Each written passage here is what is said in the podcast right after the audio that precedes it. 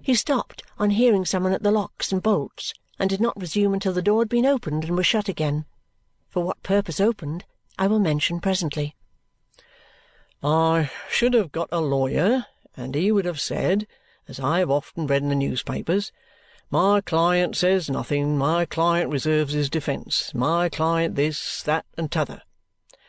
Well, it is not the custom of that breed to go straight, according to my opinion, or to think that other men do. Say I am innocent, and I get a lawyer. He would be as likely to believe me guilty as not. Perhaps more. What would he do? Whether or not? Act as if I was. Shut up my mouth, tell me not to commit myself, keep circumstances back, chop the evidence small, quibble, and get me off perhaps. But, Miss Summerson, do I care for getting off in that way, or would I rather be hanged in my own way? If you'll excuse my mentioning anything so disagreeable to a lady. He had warmed into his subject now and was under no further necessity to wait a bit. I would rather be hanged in my own way, and I mean to be. I don't intend to say," looking round upon us with his powerful arms akimbo and his dark eyebrows raised, "that I am more partial to being hanged than another man. What I say is, I must come off clear and full, or not at all. Therefore, when I hear stated against me what is true, I say it's true. And when they tell me whatever you say will be used, I tell them I don't mind that. I mean it to be used. If they can't make me innocent out of the whole truth, they're not likely to do it out of anything less or anything else. And if they are, it's worth nothing to me. Taking a pace or two over the stone floor, he came back to the table and finished what he had to say. I thank you, miss, and gentlemen, both many times for your attention, and many times more for your interest. That's the plain state of the matter, as it points itself out to a mere trooper with a blunt broadsword kind of a mind. I have never done well in life beyond my duty as a soldier, and if the worst comes after all, I shall reap pretty much as I have sown.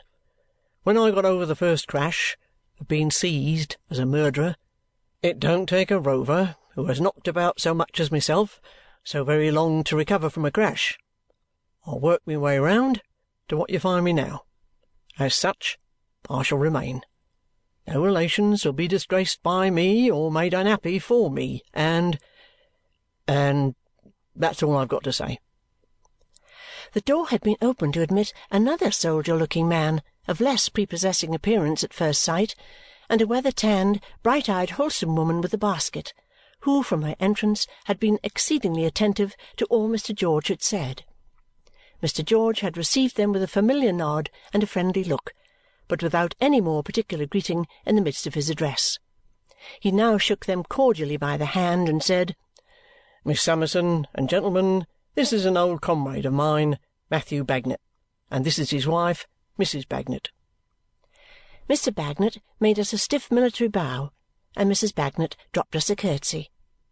"Real good friends of mine they are," said Mr. George. "It was at their house I was taken." "With a second-hand violonceller," Mr. Bagnet put in, twitching his head angrily, "of a good tone for a friend that money was no object to." "Mat," said Mr. George, "you have heard pretty well all I have been saying to this lady and these two gentlemen. I know it meets your approval." Mr. Bagnet, after considering, referred the point to his wife. "Old girl," said he, "tell 'em whether or not it meets my approval." "Why, George!" exclaimed Mrs. Bagnet, who had been unpacking her basket, in which there was a piece of cold pickled pork, a little tea and sugar, and a brown loaf. "You ought to know it don't. You ought to know it enough to drive a person wild to hear you. You won't be got off this way, and you won't be got off that way. What do you mean by such picking and choosing? It's stuff and nonsense, George." "Don't be severe upon me in my misfortunes, Mrs. Bagnet," said the trooper lightly. "Oh, bother your misfortunes!" cried Mrs. Bagnet.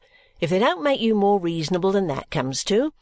I never was so ashamed in my life to hear a man talk folly as I have been to hear you talk this day to the present company. Lawyers? Why, what but too many crooks should hinder you from having a dozen lawyers if the gentlemen recommend them to you?"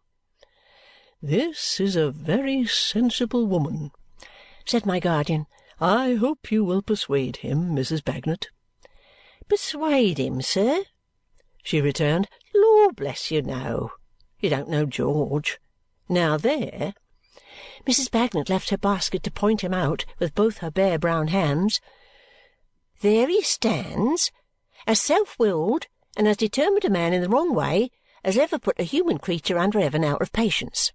You could as soon take up and shoulder an eight and forty pounder by your own strength as turn that man when he has got a thing into his head and fixed it there. Why, don't I know him? cried Mrs. Bagnet. Don't I know you, George? You don't mean to set up for a new character with me after all these years, I hope? Her friendly indignation had an exemplary effect upon her husband, who shook his head at the trooper several times as a silent recommendation to him to yield. Between whiles Mrs. Bagnet looked at me, and I understood from the play of her eyes that she wished me to do something, though I did not comprehend what. "But I've given up talking to you, old fellow, years and years," said Mrs. Bagnet as she blew a little dust off the pickled pork, looking at me again. "And when ladies and gentlemen know you as well as I do, they'll give up talking to you too. If you are not too headstrong to accept a bit of dinner, here it is." "I accept it with many thanks," returned the trooper. "Do you, though, indeed?" Said Mrs. Bagnet, continuing to grumble on good-humouredly. "I'm sure I'm surprised at that. I wonder you don't starve in your own way also. It would only be like you. Perhaps you'll set your mind upon that next." Here she again looked at me, and I now perceived from her glances at the door and at me by turns that she wished us to retire and to await her, following us outside the prison. Communicating this by similar means to my guardian and Mr. Woodcourt, I rose. "We hope you will think better of it, Mr. George," said I, "and we shall come to see you again, trusting to find you more reasonable." "More grateful, Miss Summerson, you can't find me," he returned. "But more persuadable we can, I hope," said I.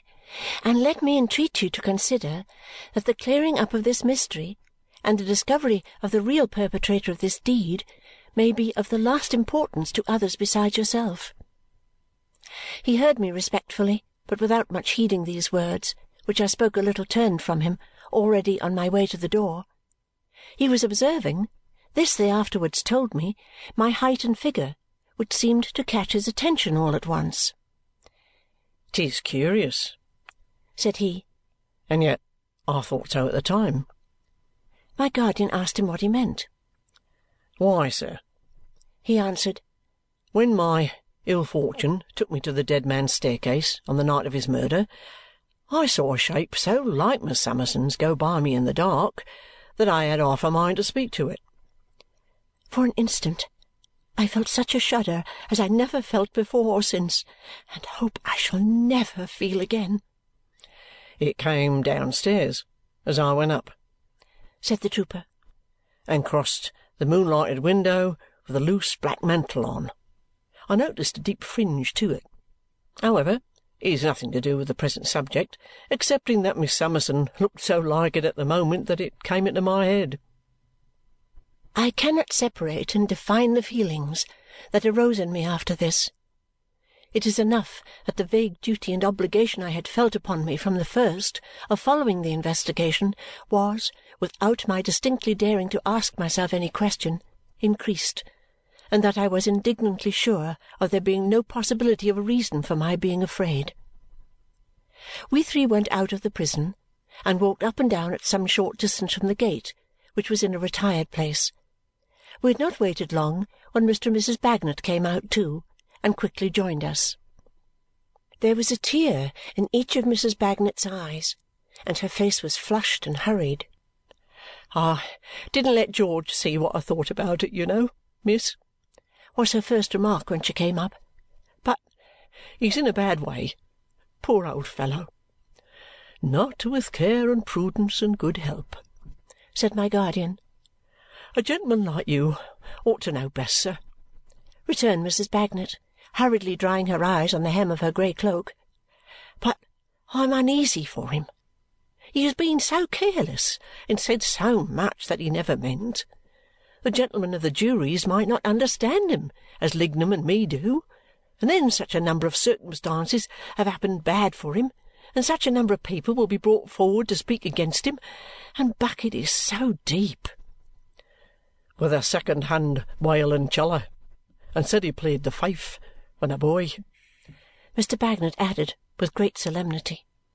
"Now, I tell you, miss," said Mrs. Bagnet, "and when I say miss, I mean all. Just come into the corner of the wall, and I'll tell you." Mrs. Bagnet hurried us into a more secluded place and was at first too breathless to proceed, occasioning Mr. Bagnet to say, "Old girl, tell 'em." "Why, then, miss," the old girl proceeded, untying the strings of her bonnet for more air, "you could as soon move Dover Castle as move George on this point, unless you'd got a new power to move him with and I have got it." "You are a jewel of a woman," said my guardian. "Go on." "Now, I tell you, miss," she proceeded, clapping her hands in her hurry and agitation a dozen times in every sentence, "that what he says concerning no relations is all bosh. They don't know of him, but he does know of them. He has said more to me at odd times than to anybody else, and it warn't for nothing that he spoke once to my Woolwich about whitening and wrinkling mothers' heads. For fifty pounds he had seen his mother that day. She's alive and must be brought here straight." Instantly Mrs. Bagnet put some pins into her mouth and began pinning up her skirts all round a little higher than the level of her grey cloak which she accomplished with surpassing dispatch and dexterity. "Lignum," said Mrs. Bagnet, "you take care of the children, old man, and give me the umbrella. I'm away to Lincolnshire to bring that old lady here." "But, bless the woman!" cried my guardian with his hand in his pocket. "How is she going? What money has she got?" Mrs. Bagnet made another application to her skirts and brought forth a leathern purse, in which she hastily counted over a few shillings, and which she then shut up with perfect satisfaction. "Never you mind for me, miss. I'm a soldier's wife and accustomed to travel my own way. Lignum, old boy," kissing him, "one for yourself, three for the children. Now, I'm away into Lincolnshire after George's mother." And she actually set off while we three stood looking at one another lost in amazement. She actually trudged away in her grey cloak at a sturdy pace and turned the corner and was gone. "Mr. Bagnet," said my guardian, "do you mean to let her go in that way?" "Can't help it," he returned. "Made her way home once from another quarter of the world with the same grey cloak and same umbrella. Whatever the old girl says, do do it. Whenever the old girl says, I'll do it, she does it." "Then she is as honest and genuine as she looks," rejoined my guardian, "and it is impossible to say more for her. She's colour sergeant of the Nonpareil Battalion," said Mr. Bagnet, looking at us over his shoulder as he went his way also, "and there's not such another. But I never owned to it before her. Discipline must be maintained.